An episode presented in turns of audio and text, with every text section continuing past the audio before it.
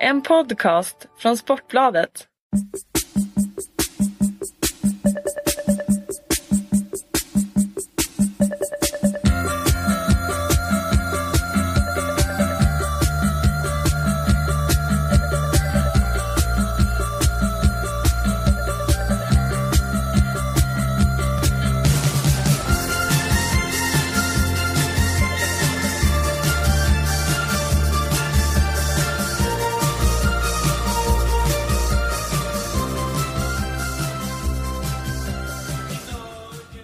My name is uh, Robert Laul. I'm a sports reporter at uh, um, Swedish newspaper Aftonbladet, Scandinavia's biggest daily. Uh, it's a kind of trend in Sweden uh, that when you have a pod, uh, you do an English version. We have seen it uh, from the famous Philip and Frederick and from the pod called Värvet. And now we have an idea that we're gonna uh, make Allsvenskan a little bit, bit more big international. So that's why this is our English version about uh, of 51% football, working class pod of the people of Sweden. I'm sitting here with uh, my colleague, my uh, weapon carrier, Oskar Monson from Skåne, also uh, named as half Danish. Hello, Oscar. What do you think about our idea to make this pod in English? Well, I'm I'm a little bit shocked to be honest. Yeah, Uh, I wasn't prepared to to, to talk in English. yeah. But uh, Is is that a problem for you? no, you know, if the if the people's pod uh, have ambitions to to grow and get bigger, Yeah. perhaps we should take it in English. Yeah. And uh, uh, the subject uh, for today, uh, we will, as we always do, a kind of radio show when we take an an, an article in uh, in uh, from a, a newspaper and read the quotes and the questions. We will talk about uh, uh, how is uh, how uh, how more svensk football. uh, eh, we will talk if Champions League is that a good thing for for Swedish football, and of course we will talk about uh, the national team of Sweden because it's the coach Erik Hamrén. He will pick out the squad for for friendly against Estonia and first European qualifier against Austria. Yes. Ska vi fortsätta på engelska eller? Ja, vad fan, vi ska ju göra det här och, och, och, och liksom sälja in eh, allsvenskan internationellt. Då måste vi pra, prata liksom engelska för, för, för våra internationella lyssnare. Okej. ja. Eller eh, tycker du att, eh, att att eh, det kanske inte är någon bra idé att det liksom internationella suget efter allsvenskan inte, inte är riktigt där än. Vi ska väl diskutera det lite. Eh, för det är det som jag har förberett mig på här. Det är ju dels den diskussionen hur mår svensk fotboll och eh, Champions League, är den bra för svensk fotboll? Eh, och lite landslag.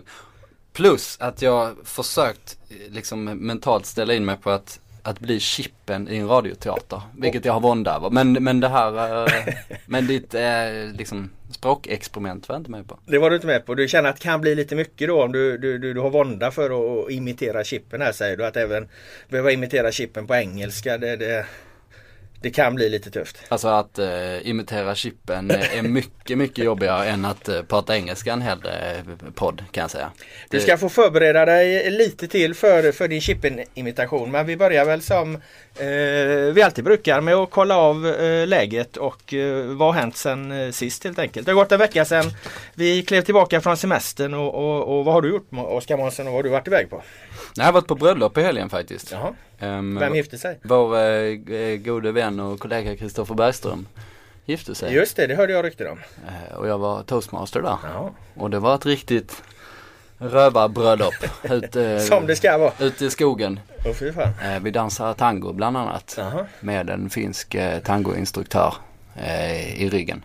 Var Simon Bank där. Jag försökte få honom att dansa tango när, det, när Argentina började närma sig VM-finalen nere i Brasilien. Så hade jag ju dansat samba i någon månad där nere. Då svidade jag om till, eller svängde om till, till tango istället. Men fick inte med Bank på det heller. Nej, eh, nej han var inte där för att Simon eh, hade inte, han, hade, han hade en plan att komma dit. Eh, för han eh, befann sig i Berlin och har varit på sim-EM där. Just det.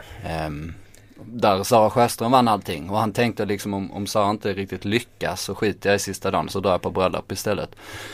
Men eh, Sara gick ju väldigt bra där och var het i allmänheten där. Allmänhetens öga så han fick stanna kvar. Han skickade telegram däremot som, eh, som jag läste upp då som, som toastmaster. Okay. Och Simon är ju skicklig på att formulera sig så han skrev ju en, eh, ett helt fantastiskt eh, telegram då som han läste, om, läste som jag läste upp. Um, och det kom väldigt bra för att Kristoffers och min och förmodligen dins förre chef Mikael Podoma mm. skickade också telegram precis innan och så stod det, och så, där det bara stod Gratta bruden till 2 plus. Det var allt. Ja, det var inga problem för Simon att bräcka det. Något som jag tror att våra lyssnare är ännu mer intresserade av än, än, än dina bröllopsbesök är om du har gjort något och varit på något i, i, i fotbollssammanhang. Eh, Ja, eh, mycket seg i skallen åkte jag till eh, Friends Arena då, dagen därpå ja. och kollade på AIK Häcken. Eh, en match som hamnar i skymundan av en superettan-fight i samma stad för att eh, eh Hammarby, Ljungskile lockade 31 000 och här lockade 14 000. Och det var liksom, det var segt på läktaren. Det var ett eh, underlag som vanligt där de har lagt ut en ny, ny matta som är ja, skitdålig den också. Men matchen var ganska kul faktiskt. Det hände en eh, massa, det var en av de roligaste matcherna jag sett den här säsongen. Så det mm. kanske vi pratar lite om. Det tycker jag. Eh, om jag ställer samma fråga till mig själv då vad, vad, jag har gjort så var jag ju precis på den där andra matchen i, i Stockholm då. Den som, som eh, eh lockade 31 000. Och, Drog du vinstlotten då egentligen? Eller hur? Eh?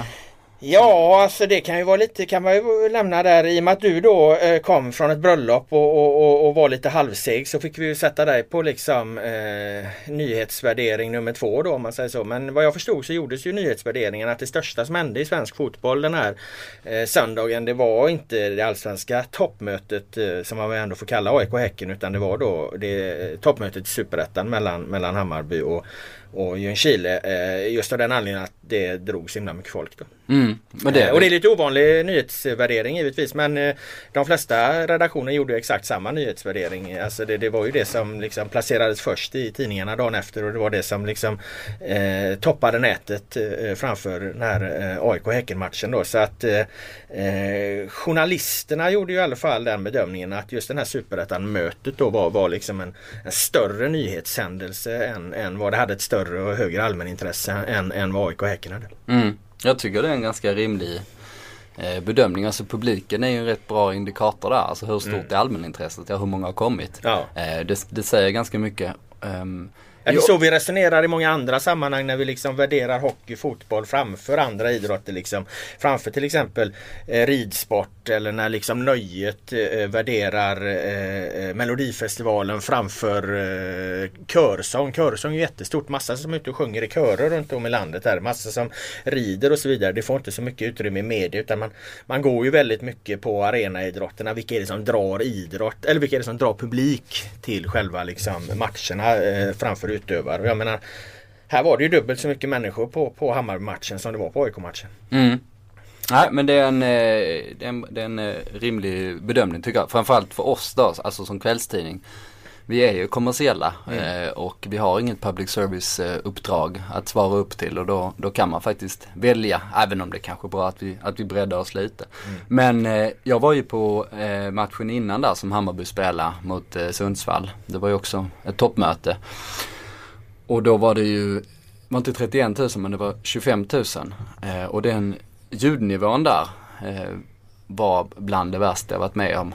Alla kategorier. Alltså det var liksom 25 000 och det kändes som varenda en bara stod upp och bara skrek rakt ut liksom. Det, Ja, okay. jag, jag, skrev, eh, eller jag skrev en krönika efteråt om att det var svårt att analysera en match när det, när det ringer i ens huvud. För jag trodde jag hade fått tinnitus där efteråt. Det var liksom den här eh, signalen som var kvar efter. Sån urladdning var det då. Och i den matchen då så hämtade Hammarby upp eh, 0-2 till 2-2 eh, på slutet. Efter att Sundsvall helt obegripligt gått ner på en fembackslinje och tappat allt. Så Hammarby bara fick komma tillbaka i matchen. Fick de dessutom en straff ganska billigt. Så var det inte i den här, eh, det här mötet mellan, mellan Hammarby och Ljungskile då. Det var ett eh, himla eh, bra drag i början och eh, så men det mattades lite och jag menar det, det, det var kanske inte så konstigt då. Jag menar he, hela andra halvlek var ganska så frustrerande för Hammarby i och med att de tryckte på så väldigt och hade så mycket avslut utan att få in bollen där. Jag tänkte att jag menar väldigt mycket av det här försnacket och snacket runt matchen har ju handlat liksom om om publiken på alla sätt och vis och, och, och det är förstås rätt och riktigt. Men jag tänkte ställa en, en, en lite mer fotbollsmässig fundering här i podden och, och, och, och, det är alltså att när det blir den här typen av matcher eh, Hammarby har 27 avslut. Det kändes som de hade 100. Många var i bra läge ganska tätt utanför straffområdet. De får inte in bollen. Det tycker jag är en av de svåraste matcher eh, att, att liksom analysera och, och, och beskriva för att de matcherna gör ju fansen så oerhört besvikna.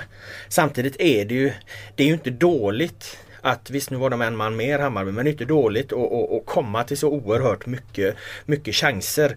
Eh, jag menar när man, när man har hållit på med fotboll så vet man någonstans det att liksom det handlar om att, att, att ta sig till, till lägena. Och sen så i, i vissa gånger så, så, får, man, får man inte in bollen. Det beror givetvis på, på att eh, man inte har tillräckligt skickliga avslutare eh, och så vidare. Men det är ändå liksom att nå chanserna som, som, som man, som man eh, Eh, bygger upp sin taktik för hur kommer vi till chanserna och sen sätter man dem inte alltid. Det där blir ganska svårt då liksom när man ska analysera det sen efteråt för att folk är så jävla besvikna. Och, och själv går det lite, jag kan inte döma ut Hammarby efter en 0-0 match eh, när de hamnar, när, när det ser ut som de gör. Liksom, när det ser ut som de, när, så, när det ser ut som det gör. Nanne Bergstrand sa en bra grej på, på presskonferensen. Han, han, han tittade ut över, över presskåren och så sa han ja men här sitter många erfarna människor och de vet att det kan bli så här ibland. Vi är ju tillbaka tillbaka på liksom 0-0 mot Trinidad Tobago. Den här klassiska efteråt där, där, där Lasse Lagerbäck har väldigt svårt att kritisera eh, laget mot bakgrund just av att de har skapat så oerhört mycket chanser. Mm. Där är ju Lasse, han har ju en poäng då såklart. Alltså i normalläget i den matchen mot Trinidad så hade ju Sverige gjort 2-0. Ja. Eh, men det roliga med Lasse Lagerbäck där att han, är, han har liksom du vet att man kan ha örat mot marken. Att man ändå kan känna efter lite. Det, är liksom, det slår inte Lasse att eh, Sverige i det läget med jättestora förväntningar, ett riktigt bra lag möter Trinidad då eh, med typ en miljon invånare som aldrig varit i VM. Och det blir 0-0 liksom. Alltså, det är också han, hans styrka. Ja det är det ju. Men, men han kunde ju liksom bara för, för taktikens skull skulle han ju säga att eh, vi är givetvis eh, besvikna. Vi borde vunnit den här matchen. Ja. Eh, och sen skulle han kunna komma till sin analys. Men Lasse skiter i det liksom. Ja. Eh, men eh, jag tänkte på det. När det var så mycket folk eh, och de radar upp chanser då. Och alla förväntar sig att de ska spöa lilla Ljungskile. Även om Ljungskile då är ett, ett topplag som har tagit, eh, eller lika många eller till och med en mer poäng en Hammarby. Eh, kom det någon gång till det läget att liksom folk börjar skratta på läktaren? Alltså att man blir uppgiven istället? Eh, nej, det kände jag väl aldrig riktigt. Eh, utan det står väl någonstans för mycket på spel när det är en sån, sån toppmatch. Eh, jag kände inte att, eh, att det var särskilt många som, som eh, skrattade åt det. Men jag förstår precis vad du menar. För att man det, skulle, ja, det skulle kunna vara så liksom att man liksom ja, till slut är det det enda som återstår för att bolljäveln går inte in va. Men, men det var väl inte riktigt eh, känslan där. Det var ett sånt läge i fjol eh, när Hammarby mötte Falkenberg på hemmaplan. Eh, det var i slutet av sommaren. Eh, och det var liksom sista chansen kändes det för, för som på Hammarby. Att de skulle haka på. Och Hammarby ledde serien då. Men det var fortfarande så att ingen tog dem riktigt på allvar. Liksom. Alltså Falkenberg kan inte gå upp i Allsvenskan. Mm. Tänkte många då. Och då blev det ju 0-3 i den här matchen. Falkenberg spelar på sitt sätt med sina Slog mig nu för övrigt när jag såg de senaste att de spelar så oerhört rakt 4-4-2 och spelarna mm. vet precis vilka löpvägar de ska ta alltid då. Framförallt i försvarsläge. Men, men då vann eh, Falkenberg med 3-0. Eh, Mattias Adelstam, Hammarbys eh, så utskällde anfallare där missar öppet mål från två meter på ett inlägg vid ställningen 0-2 tror jag. Och då blev det bara den effekten. Så jag bara tittade mig runt liksom och folk bara skrattade. Alla utom sportchefen Gustav Grauers som liksom bara reste sig upp och gick. Och när jag liksom tittade på honom precis innan han sprang ner där så såg man att han hade bara tårar i ögonen. Och sen var han borta en vecka senare. Så det, det är ju en anspänning verkligen alltså när, ja, när Hammarby ja. spelar. Det var ju roligt med Ljungskile får man väl ändå säga då. Alltså jag menar de, eh, nu är de väl tvåa då. De ledde ju Superettan inför den här matchen. Då. Ja, de är och, en och, poäng före Hammarby. Ja, och de, eh, alltså bilden av hur Ljungskile spelar fotboll är ju cementerad men de spelar ju inte, de spelar ju inte den här Bosse Wålemark fotbollen längre som de gjorde bland annat på, på min tid då med, med, med ett rakt 4-4-2 långa bollar upp. Utan det, är det är ju ett väldigt spelande lag och eh, jag menar de är vana att spela inför för tusen pers på, på, på Skarsjövallen och kommer då till 31 000 på på Tele2 Arena och är helt oberörda av det.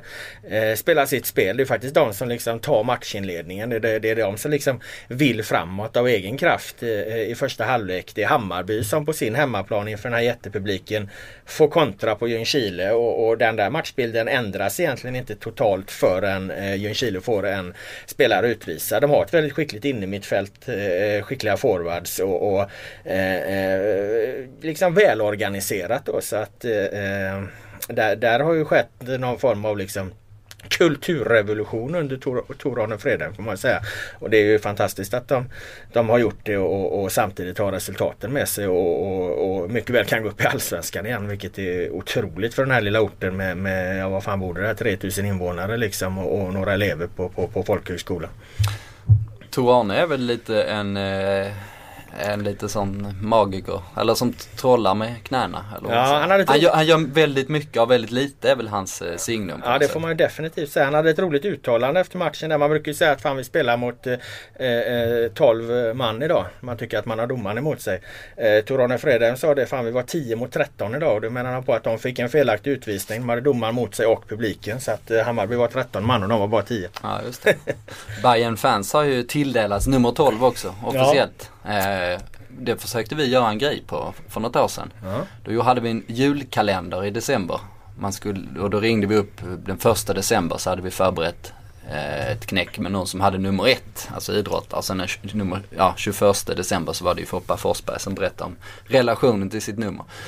När det var nummer 12 så försökte jag ringa upp Bayern fans och prata om det. Men eh, då fick jag reda på att de fortfarande bojkottar oss eh, ja. i vart fall. Eh, det var mycket oklart varför. Det, det, fick jag liksom inte någon klarhet i. Men då fick jag ringa till MFF Support istället då. Så fick, fick de den lilla trevliga uppmärksamheten. Ja, det där med bojkotter brukar oftast slå tillbaka på den liksom som ägnar sig åt bojkotterna. Det har vi gått igenom många gånger. Det verkar som att du har värmt upp ditt munläder här nu Oskar Månsson och att vi kan kasta oss rakt in på ett av våra fasta moment. Ett av våra få fasta moment i Folkets podd, eh, nämligen våran eh, radioteater.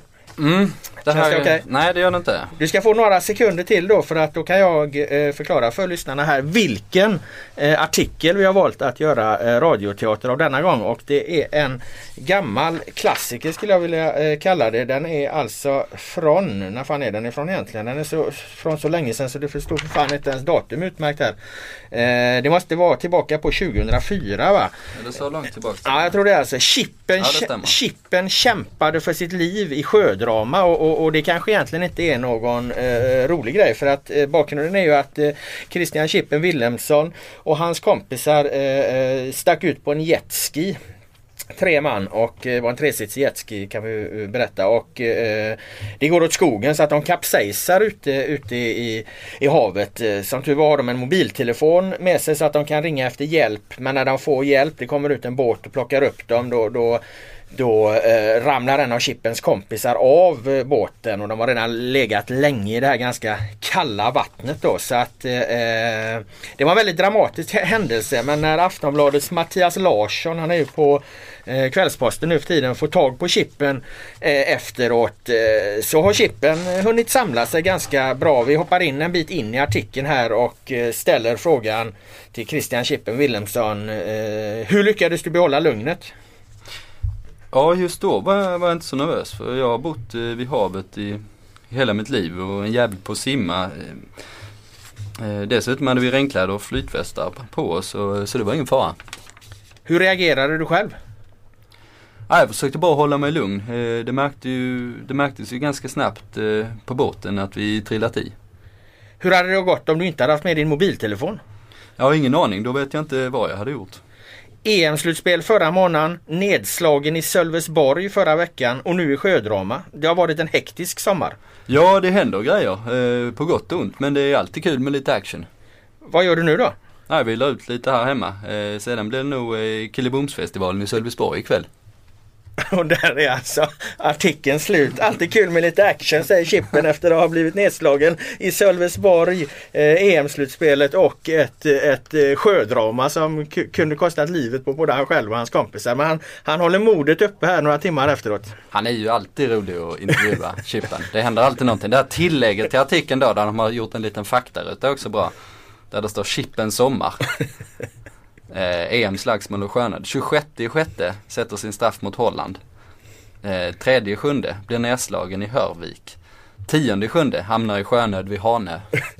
Det väl packat på något sätt. Jag försökte hitta det här att han hade blivit nedslagen där men det, det, det, det, lyckades jag inte gräva fram i arkiven. Jag vet inte riktigt om det, var någon uppgift som, som Larsson fick fram i samband med den här. Men den verkar i alla fall inte ha dokumenterats eh, lika noga. Ja men det är kul med lite action i alla fall. Ja det är kul med lite action och äh, det är lite action på chippen i, i, i Allsvenskan också. När vi spelade in vår senaste podd så såg vi fram emot att få se honom på Tele2 Arena mot, mot Djurgården. Det fick vi inte och Mjällby förlorade följaktligen med 4-0 där. De sparade honom då till matchen mot Helsingborg och den var de ju nära att vinna om det inte vore för David Ackham då som, som vände Mjällbys 1-0 ledning till 2-1. Helsingborg tog en viktig seger istället. Eh, men Chippen gjorde ju mål där och, och eh, jag menar han eh, håller ju fortfarande. Ja verkligen eh, bra i de här matcherna det man har sett av honom. Eh, nej vi fick inte se honom då men vi snackade med honom lite efteråt och eh, när vi läste upp den här, eh, den här intervjun så minns så, eller så kommer jag tänka på att nu är Chippen lite tillbaks. Okej, nu är han ju äldre och mognare. Eh, såklart, men, men han var ju väldigt skön och rolig liksom och, och lite virrig och, och ja, prata först och tänkte sen på ett ganska charmigt sätt. Sen så blev han ju polare med Zlatan mm. och då blev det nästan silencio stampa ett tag. Eh, och sen nu på senare år har han liksom kommit tillbaks till det gamla kan man säga. Ja men Chippen gick ju i landslaget då från att komma in där då om vi inte liksom pratar om vad han har gjort på planen och så här. Utan hur, hur han var liksom i gruppen inbillar jag mig och i umgänget med, med massmedier. Han gick ju lite från att vara klassens clown till att bli en av de tuffa killarna längst bak då när han liksom eh, började pola med Zlatan och så här, Då fick han ju liksom en plats ganska långt bak i den här, i den här spelarbussen. Och då skulle han ju helt plötsligt vara, vara eh, ha ungefär samma attityd liksom som, som Zlatan och Henke och de här hade mot medierna. Att här ska inte matas några gamar liksom. Så då, då, då slutar ju chippen. Då blir han plötsligt eh, omöjlig att få tag på och, och, och inte alls intresserad av att och, och snacka när man väl pratar med honom i, i mixade zoner. Och, och så här så att han, han svängde totalt där men, men nu är han ju tillbaka. Nu, är han ju, nu bryr verkar han inte bry sig om det där längre. Nu är han inte, nu är han inte en av de tuffa killarna längst bak i, i bussen längre. Nej han, han behöver inte det. Eh, men jag tror det var så att jag tror att det framförallt var Henke som eh, satte agendan på något sätt och sen tog Zlatan efter det. Mm. Och Henke var just den här, ja du, du ska säga så lite som möjligt ja. liksom. Och, eh, och, sen, och då blir det bäst. När Chippen kom tillbaks till landslaget um, det var en träningsmatch mot Wales på bortaplan i Swansea. Um, där du också var med ja. Ja, ja det, det var, var, där vi sjöng eh, Bonnie Tyler-låtar på en karaokebar. Ja, just det. inför matchen. Just det, det var en trevlig resa. en, eh, en av de mest absurda kvällarna i mitt liv tror jag. Ja, vi satt i bilen. Vi, vi, vi flög till London och sen bilade vi därifrån med... Jag landade på fel flygplats ja, också minns jag. Ja. Ni skulle hämta mig på Heathrow och ja. jag stod på Gatwick, tror jag det var. Vi bilade där, du, jag och eh, före detta TT Johansson då, eh, Niklas Gren på TT som körde bilen och när vi satt i bilen så kom vi på att fan det är Swansea vi ska till. Bonnie Tyler kommer därifrån. Om det finns en karaokebar där då måste, måste vi välja valfri Bonnie Tyler-låt och framföra. Eh, vi hittar en karaokebar och eh, eh kan ju då inte vika från, från det här liksom blodslöftet som vi har gett till varandra. Så att eh, eh vi kör ju Bonnie, Bonnie Tyler-låtar. Jag kör Hero. Mm. Eh, eh, eh, för detta TT Johansson Jag tror han kör... körde den här It's a hard day. Just det, It's a hard day. Som är lite... Han var ganska bra också. Ja, eh, Hero är ju ett jävla drag på men jag kunde väl kanske inte riktigt förmedla det. It's a hard day är ju ganska svängig därför kan väl med, med publiken. Men när Oscar Månsson kliver upp och drar Total Eclipse of My Heart så flockas ju hela den här barens tjejer runt dig och liksom de klättrar på dig. de vill dra med dig hem till eh, diverse lägenheter i, i Swansea. Alltså du, du, du gör ju en makalös succé och allt det här finns ju på film också. Ja. och eh, jag sjöng ungefär lika bra som imiterar Chippen nu. Men det stämmer ju faktiskt. Jag, Ja. val, jag valde ju rätt låt. Ja du valde definitivt att, rätt eh, låt alltså. jävlar. För jag, jag och Gren var ju iskalla. va? Det Kan ha handlat om annat i och för sig men. Och allt är ju eh, dokumenterat som sagt. Finns på film. Ja. Men den här filmen har aldrig sett dagens ljus. Jag har, den ligger på en hårddisk hemma i lägenheten någonstans. I någon, i någon garderob där. Men eh, den, den ska nog stanna där. Ja, det, det, den får stanna där till någon av oss gifter sig. Då kan den möjligen komma fram. Det kan vi ha som ett löfte här att, att eh, om någon av oss gifter sig så, så, så tar vi med den till bröllopet och spelar upp den. Eh, var, Men jo, det var då Chippen kom tillbaks i vart Ja, fall. det. Sverige mötte ju Wales då. Ja. Eh, Och Gareth Bale var ganska blek och var allmänt känd som en överskattad spelare. Eh, vid den tidpunkten. Då kom Chippen tillbaks i vart fall och då när han kom in i mixade zon och träffade oss för första gången så, eh, så sa just eh, Niklas Gren sa någonting liksom. Ja, är, det, är det kul att vara tillbaks liksom? Ja, jag har saknat det här, sa han. Saknat er också. Jaha. Sa han liksom. Så sa jag, ah det menar du inte så här. Jo men det har jag faktiskt sa han. Det är Ja. kul att träffa alla er liksom. Så, så där, därifrån alltså. ställde han om igen på något sätt. vad är vi för år här egentligen? Ja, det är väl 2010 va? 2010. Eh, Eller möjligen tidigt 2011. Det är en av eh, början av Hamrens eh, förbundskaptenskarriär. Jo, det var det. Ja. Och jag bodde på ett så dåligt hotell där. Just det, det Så- var, ditt jävla hotell var stängt när vi kom fram där så du fick ju ta ett nytt hotell. Eller du fick hoppa in på vårt hotell. Eller fan Ja. gjorde du? För ditt, ditt, ditt, inte ens receptionen på ditt hotell var öppen när vi kom fram där vid, vid midnatt. Nej detta var ju när jag jobbade på, på Eurosport så jag vet inte hur de eh, kollade upp hotell riktigt. Men, men det var stängt och sen när jag fick rummet så var det så jävla slitet så det regnade in. Alltså det regnade på fötterna på mig och när jag kom hem så fick jag svininfluensa. Ja, just det. Alltså, var det, det, inte där det, var då den, eh, det var då den gick så jag var ju skitdålig där ett par veckor. Var det inte då receptionen var en bar också? Eller vice versa? Jo det var det. Ja, komma till Swansea midnatt, hotellet är stängt. Eh, annat kan man eh, önska sig. Eh, jag tänkte på det, jag ska bara slänga in en, en eh, snabb eh, liten brasklapp där. Eller en, en liten blänkare i alla fall. Jag har ju varit i Brasilien, det lever ju ständigt i mitt medvetande här. Och när du sa det det här med att eh, svenska fotbollsspelare, svenska idrottsmän generellt eh, har en, liksom en attityd av att vilja säga så lite som möjligt så, så ringde det en liten klocka hos mig. För att eh, även om det har blivit bättre i landslaget och, och, och man kanske inte kan dra alla eh, svenska idrottare över en kam så är det någonstans så att det finns en, en, liksom en attityd att när, när svenska idrottare kommer till mediesammanhang så, så är det väldigt, väldigt mycket att man ska säga så lite som möjligt. Man ska i alla fall inte bjuda på för mycket och man ska få det här ganska snabbt avklarat. När jag följde det brasilianska landslaget under fotbolls-VM så var tillgången till dem var ganska begränsad. Du fick hålla dig till, till presskonferenser och mixade zon. Men eh, när, när, när det väl ställdes frågor och, och de skulle svara så höll de alltså utläggningar på, på 5-10 minuter vissa av dem. För att de, hade, de ville verkligen förklara. De, de såg det inte, det var uttalat från den brasilianska pressledningen förklarade de i alla fall att Eh, spelarna ska inte se det här som att de pratar med journalister. De ska se det som att de pratar med sina supportrar. De ska se det som att de pratar med, med 200 miljoner människor i, i, det här landet. Så att de ville ju verkligen förklara hur de kände inför olika saker. När de fick frågor om varför de grät vid nationalsången då kunde Dani Alves liksom prata i fem minuter och avsluta med att eh, ja men det är som bebisen om man inte skriker så får han inte mammans bröst för det var något, något eh, brasilianskt uttryck och så vidare. Alltså de hade väldigt långa utläggningar på nästan alla, alla frågor Eh, du ställde. De ville verkligen liksom de ville verkligen tala till sina supportrar, få fram sitt budskap och förklara det så här vi tänker. Vi förstår och respekterar att ni har de här synpunkterna och så vidare. Men så här tycker vi liksom och det var aldrig att de de egentligen talade till den som ställde frågan eller så här utan det, det, det, det var till supportrarna och så tycker jag att fler eh, liksom, eller att alla idrottsmän egentligen borde resonera. Mm. Ja det, det är en bra, eh, bra strategi tror jag. Eh, Jag vet inte om det är presschefen som slog ner folk i den mixade zonen, la bakom den. Men, Nej, eh, har man presschef som nitar folk så kanske man gör som man säger. Jag vet inte. Det är, Bordell får, får liksom eh, ta till lite hårdare metoder. Niklas Bordell som är pressansvarig i svenska landslaget. Oskar Månsson. Men eh, en grej där som jag kommer Ja. att tänka på då. Apropå att de håller långa monologer. Då spelar det ingen roll vilken fråga det är. Utan man bestämmer sig för vad man ska säga och så säger man det. Mm. Eh, Lasse Andrell som jobbar här eh, förr i tiden. Eh, som numera pensionerad. Man stöter på honom på Södermalm ibland där han går och, och njuter av, av livet.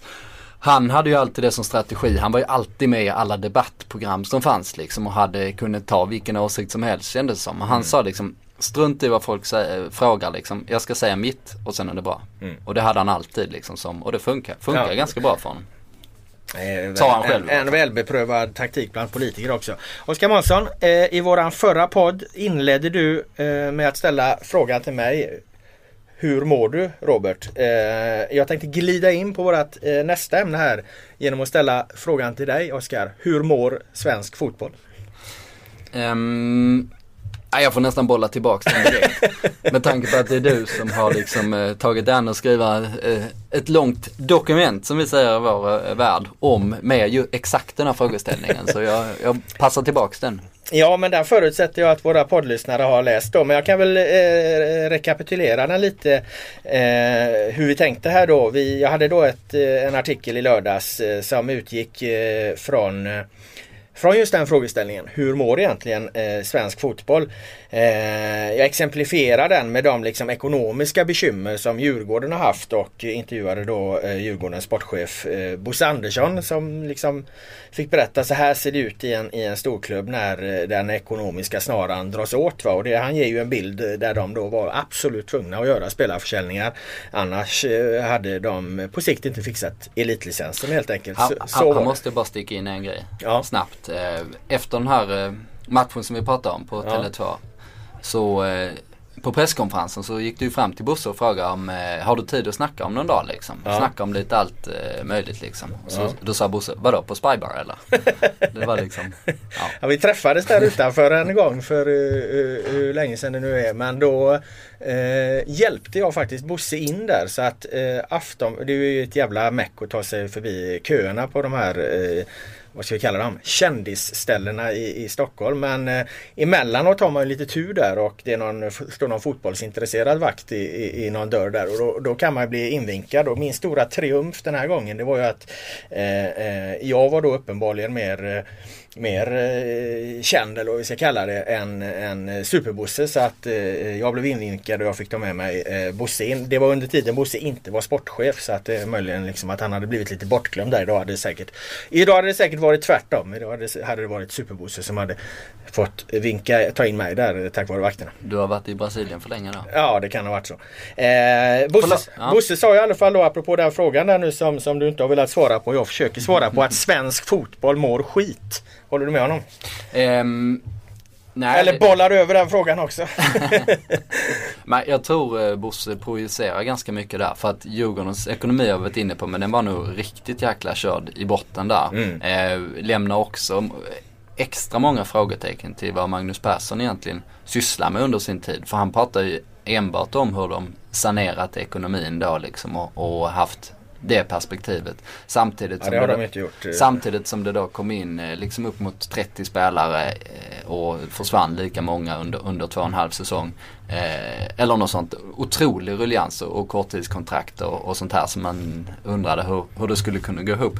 Så Bosse har ju haft den jobbiga situationen. Han var ju förmodligen tvungen då i och med att, i och att eh, Djurgården inte vill ta in externt kapital, åtminstone inte om det inte verkligen behövs. De har ju tagit in 80 miljoner på de senaste fem säsongerna. Mm. Vilket är helt otroligt. De gör ju runt 20-25 miljoner minus på driften varje säsong. Mm. Eh, och det säger sig självt att det inte det, det håller. Det upptäckte, jag får bara mm. flika in där. Det upptäckte jag ju när jag gjorde den här grejen att deras, eh, eh deras liksom egna kapital räddades ju egentligen av, och det har inte uppmärksammats av en gåva 2013. Det står klart och tydligt uttryckt i deras årsredovisning att de får gåva på 15 miljoner kronor liksom.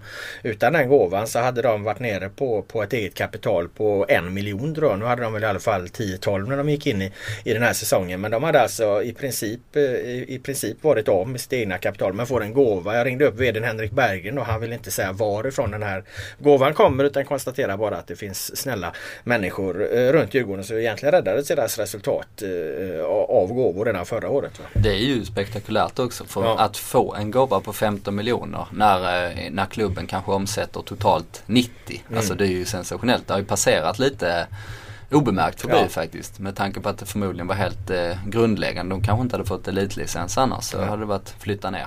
Å andra sidan så är det ju alltid någon som går in och hjälper dem. Eh, de har ju mycket prominent folk runt klubben.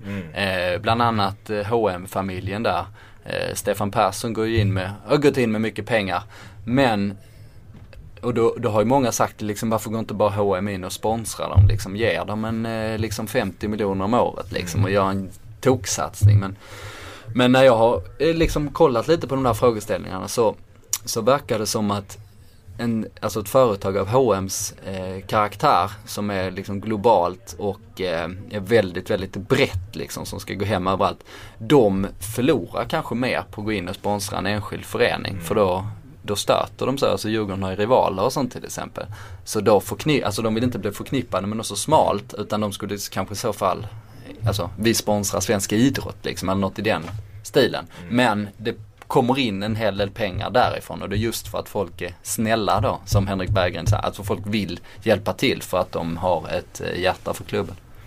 Eh, det, det om Djurgården, eh, de kan ju inte liksom eh, vara exemplet som talar för, för eh, hela svensk fotboll. Jag menar det, det, det, finns ju, det, finns klubbar som mår mycket bättre men jag tror att Eh, jag tror att vad jag liksom försökte rikta in den här artikeln mot det var, det var kanske, det är väl mer den här trenden liksom. Tittar vi på, på storklubbarna och, och topplagen så har de i regel tappat publik det här eh, året. Elfsborg har, liksom dags dato då tappat 1500. AIK Malmö ligger någonstans på att tappa 2000 liksom i, i, i snitten. Alltså det, du har en, en, en nedåtgående trend där. Jag tror inte att det kommer synas i eh, eh i eh, resultaten i och med att det har sålt så himla mycket spelare. Men någonstans hänger det, det här ihop och det som är riktigt intressant eh, Det som blir intressant att göra det är ju att, att Samtidigt så finns det liksom den här eh, målsättningen inom eh, Allsvenskan och Superettan att man ska ha dubblat sin omsättning. Det är ju det perspektivet som som det här blir intressant. Man har ju liksom en, en, en målsättning om att svensk fotboll måste dubbla sina intäkter för att eh, hänga med och, och, och, och det här målet sattes 2011 och det ska vara klart 2017. Då ska man också vara Nordens bästa liga och det kanske man klarar. Man passerar Danmark och så vidare på, på ranking och så här. Eh, men, men den här eh, dubblade, de dubblade intäkterna för att vara exakt. De har ju alltså ökat från 2012 då 280 miljoner eh, SEF-intäkterna till 320 miljoner. De ska alltså upp till 560 miljoner. Det, där, det det verkar ju fullständigt orimligt att, att det ska gå ihop. Så att det går ju inte åt rätt håll. Det är väl ur det perspektivet man ska se min frågeställning. Hur mår svensk fotboll? Det är ur det perspektivet man ska liksom se eh, Bosse Anderssons uttalande. Svensk fotboll mår, mår skit. Liksom. Vi har alltså en, en, ett mål som man under flera år har jobbat mot. Och just nu har det, har det här vänt neråt. Då. Det tidigare målet som jag tror var typ runt, alltså skulle uppfyllas 2010. Det var så att att, eh, Ja, då ska man ha ett lag i Champions League. Ja men i kvartsfinal Ja, ja, i ja, Champions det. League eller Ja, åttondel eller, eller semifinal i Europa League. Eh, liksom parodiska eh, mål då som det inte fanns någon plan för alls. Det låter lite som eh, en dröm eh, det här också med omsättningen. Men man kan väl säga så då att Alltså Djurgården har en väldigt tuff ekonomisk situation och det har ju de andra klubbarna också. Eh, de som mår bra ekonomiskt är väl Malmö, Kalmar, Häcken då. Mm. Eh, som ändå har haft ordentligt eh, eh, eget kapital under, under en lite längre period. Men det är ju svårt att säga Eh, eller jag tror inte allsvenskan tappar så mycket. Tappar givetvis för varje säsong mot toppklubbarna för att de bara kör ifrån ännu mer liksom. Alltså tv-intäkter ökar, alla klubbar ökar sin omsättning och, och kan höja sina löner och sånt. Men om man tar på mellanligorna då, där har ju funnits mycket problem. De kan inte köpa spelare på alls samma sätt och vi har ju ändå sett så här i Europa League och nu Champions League sammanhang om att de svenska klubbarna har ju kanske till och med stärkt sina positioner lite lite de, de sista åren. Så där har ju, där har ju utvecklingen inte gått åt fel håll åtminstone. Sen kan man ju titta då, de enda som liksom lämnar eh, eh, mellanhandsrapporter då i Allsvenskan det är ju egentligen AIK då som, som eh, eh, börsnoterat bolag. Att de lämnar de här kvartalsrapporterna och de minskar ju sina intäkter eh, Q2 då som är den aktuella perioden nu 2014 eh, har de 31 miljoner. Q2 2013 så hade de 41 miljoner. Och, och, då är det klart att då ska det in ett derby där det finns lite, lite saker att ta hänsyn till. Men, men AIK oavsett vad, vad många av deras supportrar säger. AIK gör ju själva i, i sin eh, Q2-rapport analysen att, att det handlar inte bara om det. Va, utan de gör bedömningen att både minskad sponsoraktivitet och då minskad publik hänger ihop med eh, dödsmisshandeln eh, i premiärhelgen och den liksom påföljande debatten där då. Mm. Jo, jag har förstått det också utan att sett några siffror men att eh, många sponsorer har, eh, har blivit mer försiktiga då mm. efter det som hände för att man, eh, ja, vill man synas i sponsorsammanhang så är det ju det är ju exponering plus goodwill är det väl man är ute efter då. Mm. Och eh, goodwill-faktorn sjunker ju rätt mycket när, när folk förknippar fotbollen med att, att folk dör då. Mm. Eh, nej men så det, det är väl liksom eh, eh, ramen där och jag, jag, jag, tycker också att det ska bli väldigt intressant att se. Nu har det varit väldigt mycket spelarförsäljningar som sagt eh, och det har kommunicerats eh, siffror i eh, pressen och du har säkert skrivit några av dem. Jag tycker att det ska bli intressant att se vad det står på, på, på nedersta raden för transferintäkter när eh, många klubbars eh, årsredovisningar eh, eh, kommer här då i, i början av nästa år. Alltså vad har de fått egentligen? För att vad jag har förstått så är många i och med att, i, i och med att det, det klubbar ute i Europa inte heller på alla, alla håll har det så himla gott så, så, så har jag hört att det är många av de här liksom övergångssummorna är uppdelade i väldigt många olika utbetalningar över ganska lång tid. Va? Det ska bli intressant att se vad, vad man verkligen har fått för spelarna och om man kommer få, få alla pengar och så. Mm. Nej, det verkar inte vara alls lätt men det finns många exempel på när eh, spelare har gått som bossman med spelare som varit i en klubb länge då. Eh, och då måste ju den eh, köpande klubben betala ett utbildningsbidrag mm. som ändå kan vara liksom upp mot 6 miljoner eller något sånt här då om, om spelaren varit i, i eh, i det här fallet av den svenska klubben.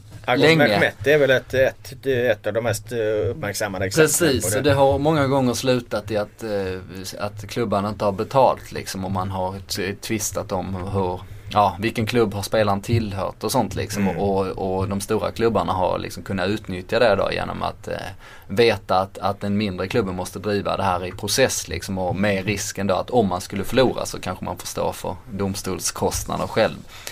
Och så vidare. Så det är ju trots allt då positivt när spelare ändå har sålts för över, eller runt 20 miljoner då i, eh, i de här fallen. Eh, det är ju en rätt, det är en stor eh, plusgrej då om eh, minusgrejen såklart är att bland de bästa spelarna försvinner. Mm. Så, eh, så hade det ju varit mycket värre om alla bara dragit som bossman då på, mm. på slutet. Man kan väl säga så här då att jag tyckte det var, om vi ska sammanfatta den här punkten, så tyckte jag det var relevant att eh, ställa frågan hur mår svensk fotboll? Eh, en av Sveriges mest eh, rutinerade sportchefer, Bosse Andersson, förvisso part i mål då, tycker att svensk fotboll mår skit. Oskar Månsson, du sträcker dig till att säga att du är lite orolig över den eh, pågående utvecklingen. Ja, det kan man väl göra. Och det leder mig in på vårt nästa ämne faktiskt. Eh, det är en annan grej som jag faktiskt också tog upp i ett, i ett blogginlägg eh, som egentligen eh, väl började eh, bland eh, ett antal AIK-supportrar får man väl säga. Det är väl den här eh, diskussionen om det är bra för svensk fotboll att eh, vi får ett lag till Champions League och det är givetvis med anledning av att Malmö FF är ett skott och ett mål egentligen om man, man ska hårdra det.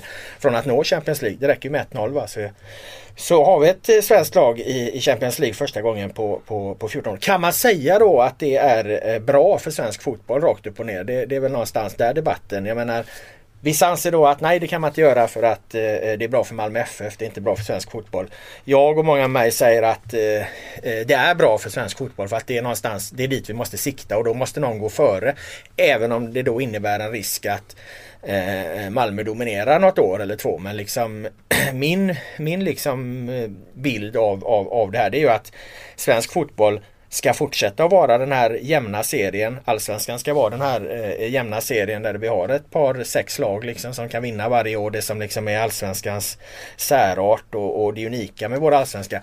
Men vi borde kunna förflytta oss upp ett par nivåer så att de här Uefa-pengarna kommer svensk fotboll till del istället för att de nu då till exempel hamnar hos Red Bull vilket jag överhuvudtaget eh, inte får ihop. Vi, så vi kan ha liksom kanske två lag som eh, kvalar till Champions League varje år varav ett är direktkvalificerat, ett får kvala.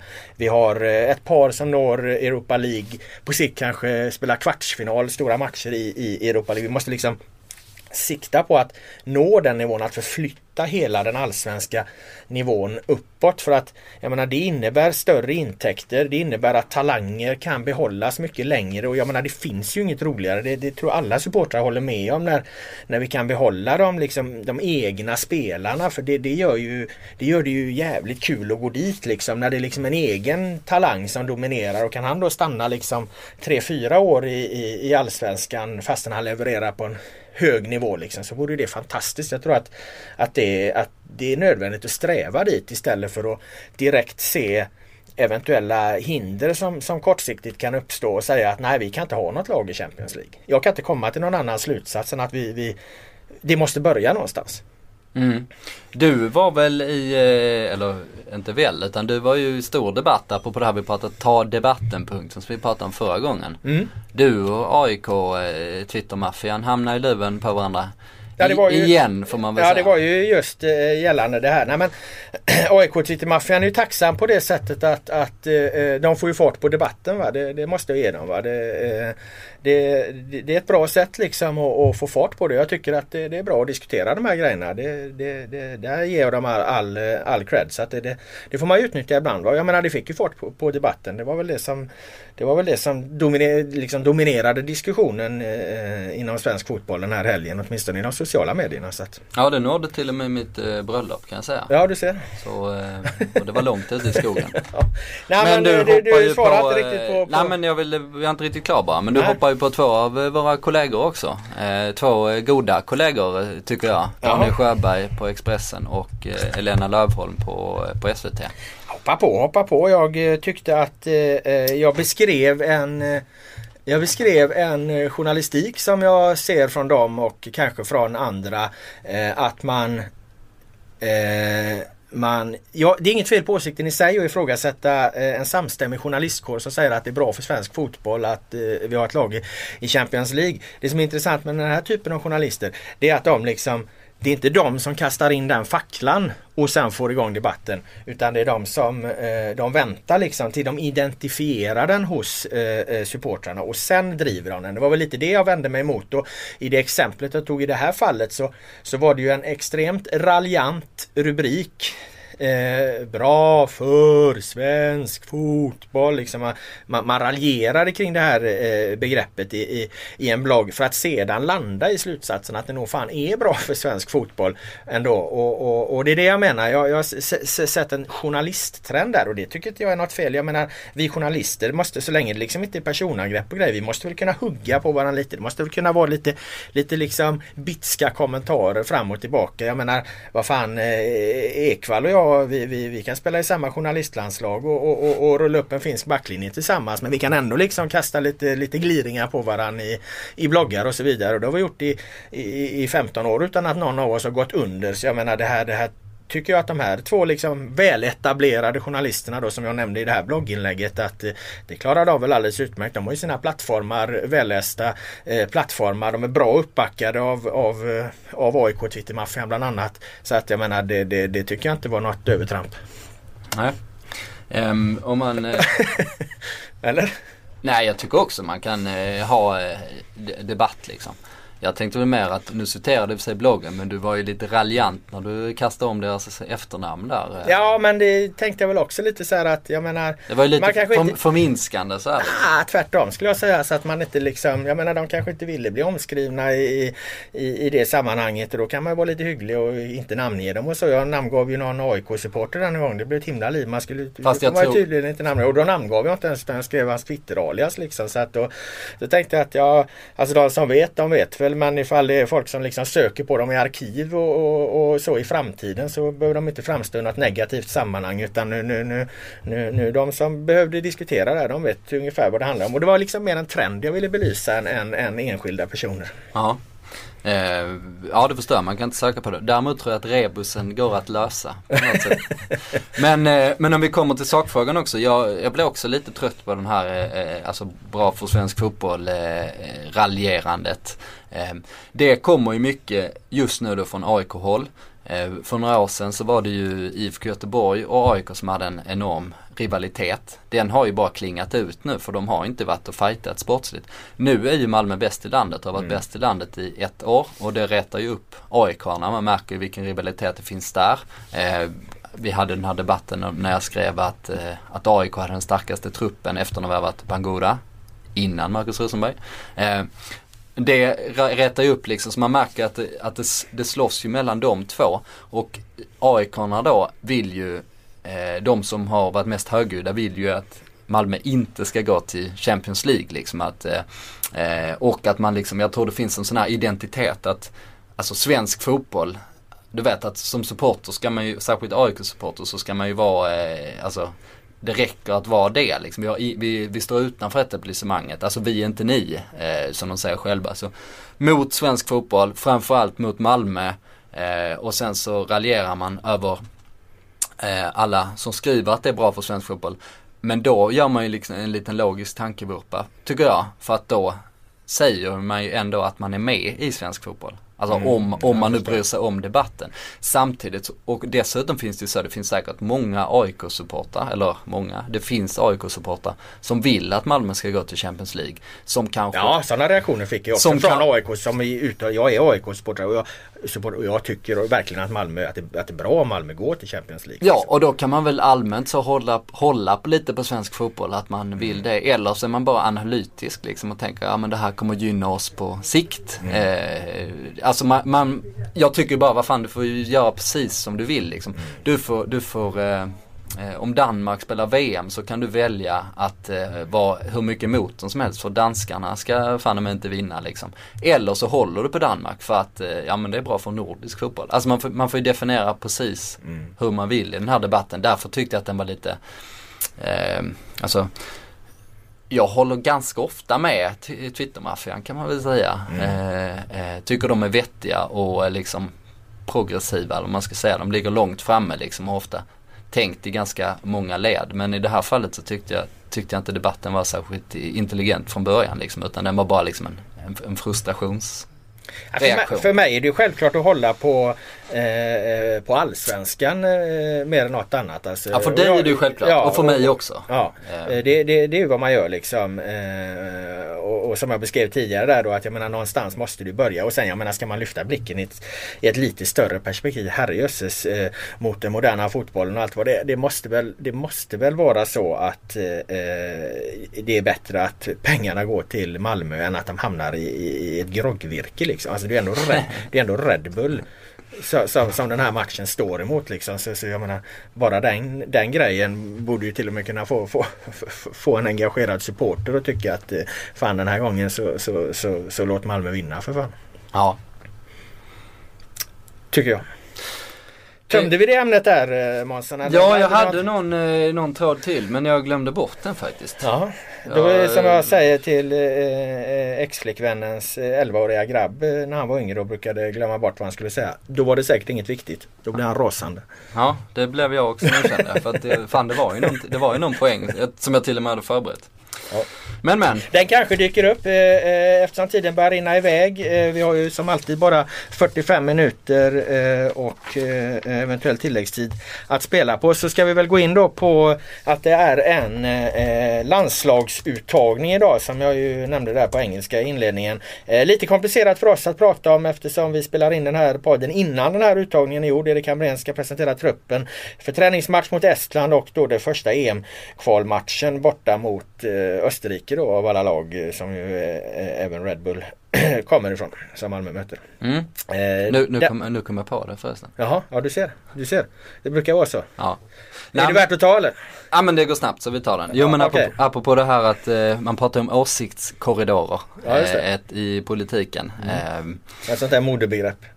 Precis, som man vänder och vrider på. Det används för, liksom från båda håll kan man säga. När man, antingen när man, eh, ja man kan, man kan eh, använda det när man raljerar antingen höger ut eller, eh, eller längre åt vänster. Men, eh, och här finns ju en åsiktskorridor vad man måste tycka då som, som riktig supporter liksom. Du får inte liksom skeva där någonting i den uppfattningen. Eh, och jag tänkte att den, den var ju lite, bes, lite besläktad med den striden som PSV-fansen driver i, i Holland nu. Mm. De är oerhört mycket emot wifi. Ja just det, det har jag hört. Det tror jag du har nämnt ja. Mm. På Philips eh, stadion i Eindhoven, mycket modern arena för övrigt. Eh, har de eh, eh, då installerat wifi. Och det gillar inte supportrarna. För att, eh, för får att man ringa eller? Eh, ja du får fortfarande ha telefon men du får inte använda wifi. Nej men det var ju lite ja, gulligt nästan. Eh, just ja. det här mot den moderna fotbollen. Att, att man eh, liksom, ja men du strider mot wifi liksom. Frågan är om du strider mot datorn som uppfinning också. Mobilnätet. Ja. Um, Ja, jag vet inte. Men ibland kan man bli lite förblindad som ja, supporter tror jag. jag förstår. Det, det kanske inte var riktigt rätt strid att ta liksom. Det finns mycket annat att eh, protestera mot kanske i den moderna fotbollens utveckling. Men just wifi kanske man kan låta, kan låta vara. Jag känner att jag har inget att invända mot din beskrivning. Du har inte det? Men Nej. då går vi vidare då. Eh, till den här eh, landslagsuttagningen då som eh, sker ett par timmar efter att vi spelar in det här. Eh, intressant tanke tycker jag att eh, Malmös sportchef Daniel Andersson framför i en intervju med Fotboll Direkt tror jag det är idag. Eh, det är väl lite det både du och jag har varit inne på egentligen. Eh, Daniel säger eh, att om Erik Hamrén, om det är 50-50 mellan två spelare så tycker han att Erik Hamrén konsekvent ska välja Eh, en spelare från Allsvenskan om det står 50-50 mot ett, eh, ett utlandsproffs. Eh, vi har varit inne på den här linjen att vi, vi tycker att i den situation svensk fotboll eller Allsvenskan då befinner sig i eh, så tycker vi att, att Erik Hamrén bör titta mer, mer på Allsvenskan.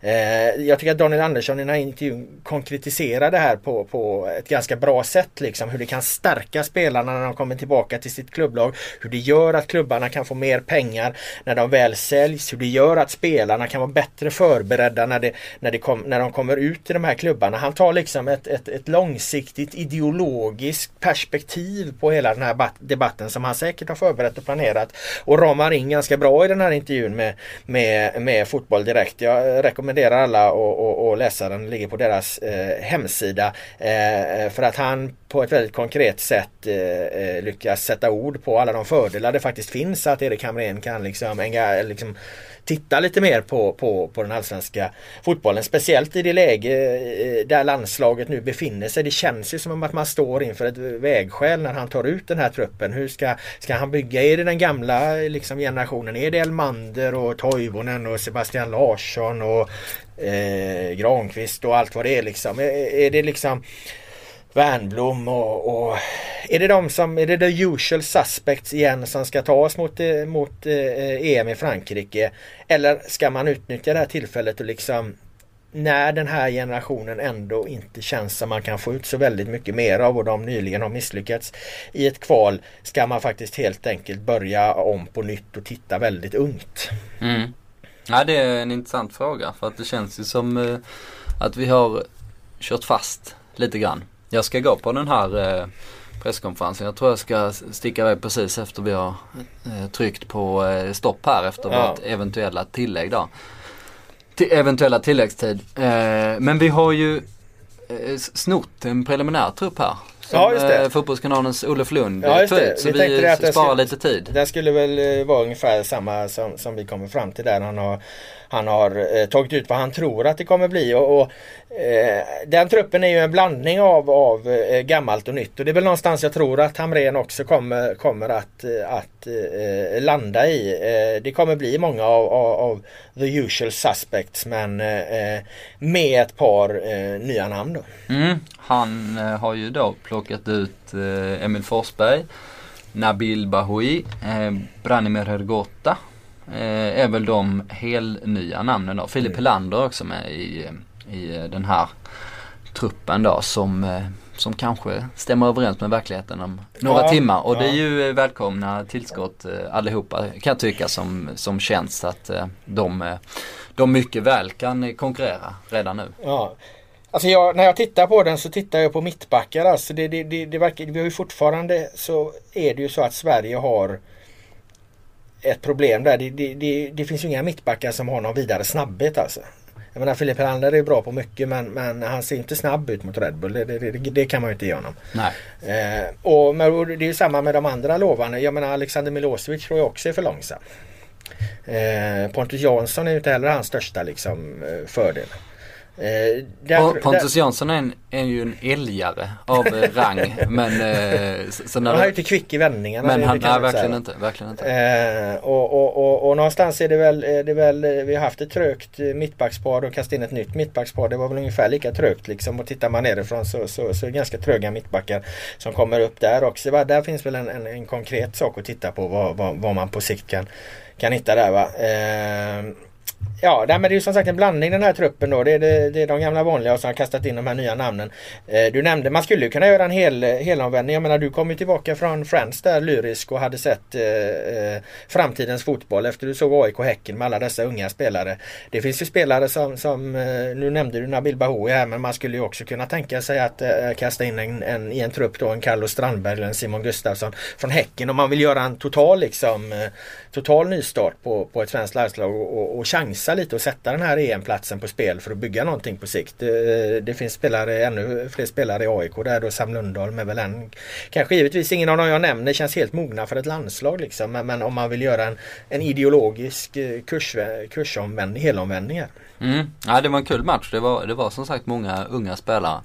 Eh, de du nämnde där. Eh, plus eh, Ibrahimor och Ebenezer Ofori som spelar på AIKs innermittfält. De har mm. för sig ganska långt från ett svenskt landslag. Ja, ja så är det. Sig. Men, eh, men eh, och av dem, Carlos Strandberg är ju inte riktigt klar. Eh, men jag tycker att en sån som Simon Gustafsson mycket väl skulle kunna få chansen redan nu. Jag har sett honom i några matcher mm. och även om han inte gjorde någon toppinsats igår så finns det en sån självklarhet i hans spel liksom att han har sånt register, han har tryck i spelet, han har liksom överblicken han, eh, han gör någonting med bollen varje gång. Så eh, eh han kommer i och för sig inte lösa någon mittbacksproblematik men det är en väldigt, väldigt spännande spelare. Din privata supertalang Simon Gustafsson. Just det. Ja men lite kul också, han spelar ju med Samuel Gustafsson, hans mm. tvilling. Spelar också från starten den här matchen då. Och Samuel är ju givetvis också en stor fotbollsbegåvning men inte, men inte på samma nivå. Eh, nu fick han ändå starta låg ganska lågt ner i planen. De spelade ett slags eh, 4-3-3 kan man väl säga. De skiftar ju mycket position och anfall. Eh, då låg Samuel ganska lågt och skötte uppspelen, ofta mot Simon. Eh, och när Samuels uppspel inte kom rätt då såg jag liksom på kroppsspråket och Simon bara skällde ut sin brorsa där liksom. Så eh, de har nog en ganska hård jargong ja. inbördes skulle jag gissa. Men det, det, har jag förstått. Jag intervjuade ju Simon där för ett tag sedan och de har nog liksom tampats genom åren i allt från liksom trädgården till, till Fässberg till, till nu i Häcken då. Så att eh, eh, de kan nog precis som du och jag ha olika åsikter om saker och ting. Så kan det nog vara faktiskt. Eh, I och med att den här truppen då som sagt eh, tas ut efter vi, vi spelar in det här så kanske vi inte ska eh, grotta ner oss så himla mycket mer i den utan vi får helt enkelt av, avvakta och se. Vi, vi, vi har sagt hur vi, hur vi ser på det för, för framtiden. Mm. Intressant med Zlatan såklart om hans skada, hur allvarlig den är. Yeah. Idag skriver Expressen att han eh, inte spelar helgen i franska ligan på söndag och Aftonbladet skriver att han spelar på söndag i franska ligan. Så, så vi får väl ja, se. Ja. Det blir ju i alla fall ett tydligt facit i den frågan. Ja det kan man ju säga. Men, Men det är bra med, med mångfald och olika, vad ska man säga, åsikter. Ja vi gillar olika som Aftonbladet säger. Ja. Eh, vad har du annars på gång förutom att du ska på den? Eh, jag, ja. jag åker ner till eh, Malmö här vad det lider. Eh, jag åker på imorgon bitti, onsdag morgon. Vi förbereder ett eh, webb-tv-program där vi då får med Malmö sportchef Daniel Andersson som jag precis sa då hade en, en, en intressant utspel i Fotboll Direkt. Eh, det kommer vi givetvis ta upp i, i det här inför-programmet då inför eh, Malmö mot Vodka Red Bull. vi får med supportrarnas representant SFSU hus. Tony Ernst, jag tänkte ställa frågan till honom. Är det här bra för eh, svensk fotboll om Malmö går till Champions League? Han backade ju på Twitter backade han från att ha någon åsikt om det. Vi får se om vi får ur honom den, en där. Den är ju lite känslig för honom då eftersom han, han måste ju liksom balansera mellan de här olika supporteråsikterna som, som finns. Vi får väl se om han svarar som en politiker och, och, och, och ger ett eh, antingen eller svar eller, som han svarar, eller om han svarar som en supporter och ger ett tydligt svar. Ja, Det vet man inte. Han är, känns ju som frispråkig men han kanske har skolats Ja, på gamla att- dagar. Ja, men jag tror att den kan vara lite lurig för den här frågan. Ja. Eh, jag ska ställa den till honom så får vi se vad han svarar. Sen naturligtvis matchen då på, på onsdag kväll som blir eh, oerhört eh, spännande på alla sätt och vis. Jag träffade en av svensk fotbolls, eh, kan man säga, pamp. Nej, men en eh, makthavare i eh, svensk fotboll i alla fall som Mhm. jag har skrivit ut en intervju med som kommer i dagarna. Eh, jag ska inte berätta riktigt eh, vem det är nu utan det får man se eh, av lite taktiska skäl. Okej. Men det kan nog bli intressant. Den ser vi fram emot. Mm, och eh, sen vill jag ju också bara nämna att jag träffade Martin Ödegård förra helgen. Det sitter, Apropå talanger. apropå talanger, det sitter fortfarande väldigt, väldigt starkt. Eh, Den 15-åriga norska eh, mittfältaren som blev uttagen i landslagstruppen. Dock ej i EM-kvaltruppen då. Eh, men i en träningsmatch som de skulle spela mot Förenade Arabemiraten. Precis innan. 15 år. Eh, jag följde med honom i Norge, träffade han och hans pappa åkte med och tittade på en match där de vann med 3-2 i Strömsgodset som han spelar i. Vann med 3-2 på bortaplan, tippeligan och han gjorde assist till alla målen och var, var bäst på plan verkligen. Den här 15-åriga killen. Och nu åker du till eh, Friends här och ställer frågan till Erik Hamrén. Varför får svensk fotboll inte fram sådana talanger som den norska eh, sliter fram med sina bergstoppar? Ja, det kan väl Hamrén eh, ta, ta på sig att vi inte har någon sån. Nej men eh, det var ju eh, en helt, helt sensationell story om en, ja, kul att en av världens största talanger måste han ju vara. Då finns i, i vårt grannland. Mm. Det, in, och det kan vi väl unna dem. Den norska fotbollen har ju, har ju inte skördat några större triumfer de senaste åren. Jag vet inte fan om vi alls ska unna dem förresten. Eh, det är inte bra för skandinavisk fotboll om det går bra för Norge. de är ju rankade typ så här 55 i världen. Ja. Så de är ju, ja, de har en riktigt eh, jobbig period just Ja, nu. så de, de kan behöva det Då kan vi unna dem det så de klättrar lite på rankingen. Med det tycker jag att vi stänger butiken för att nu går min parkering ut här om 10 minuter. Och, och som du vet så styrs numera både ditt och eller både mitt och ditt liv av, av mina parkeringstider eftersom det blivit så jävla dyrt att parkera utanför. Jag redan den här eh, eh, första arbetsveckan drog på mig parkeringsböter på 1500 spänn. Det drabbar kanske ingen fattig men det, det, det är ändå sura, sura pengar så jag tänkte undvika att, att få en ny bot. Ja, ja, det är lite irriterande faktiskt att mitt liv ska styras av din parkeringstid. Ja, men du ska ändå iväg till Friends. Så att vi tackar alla som lyssnar. Folkets podd 51% fotboll är tillbaka eh, eh, next week. Eh, I hope you will listen to us eh, then also. Eh, and we will see if there will be a, a, a continue on this experiment uh, with uh, do a, a, a part of the pod in English. Thank you very much. Auf Wiedersehen.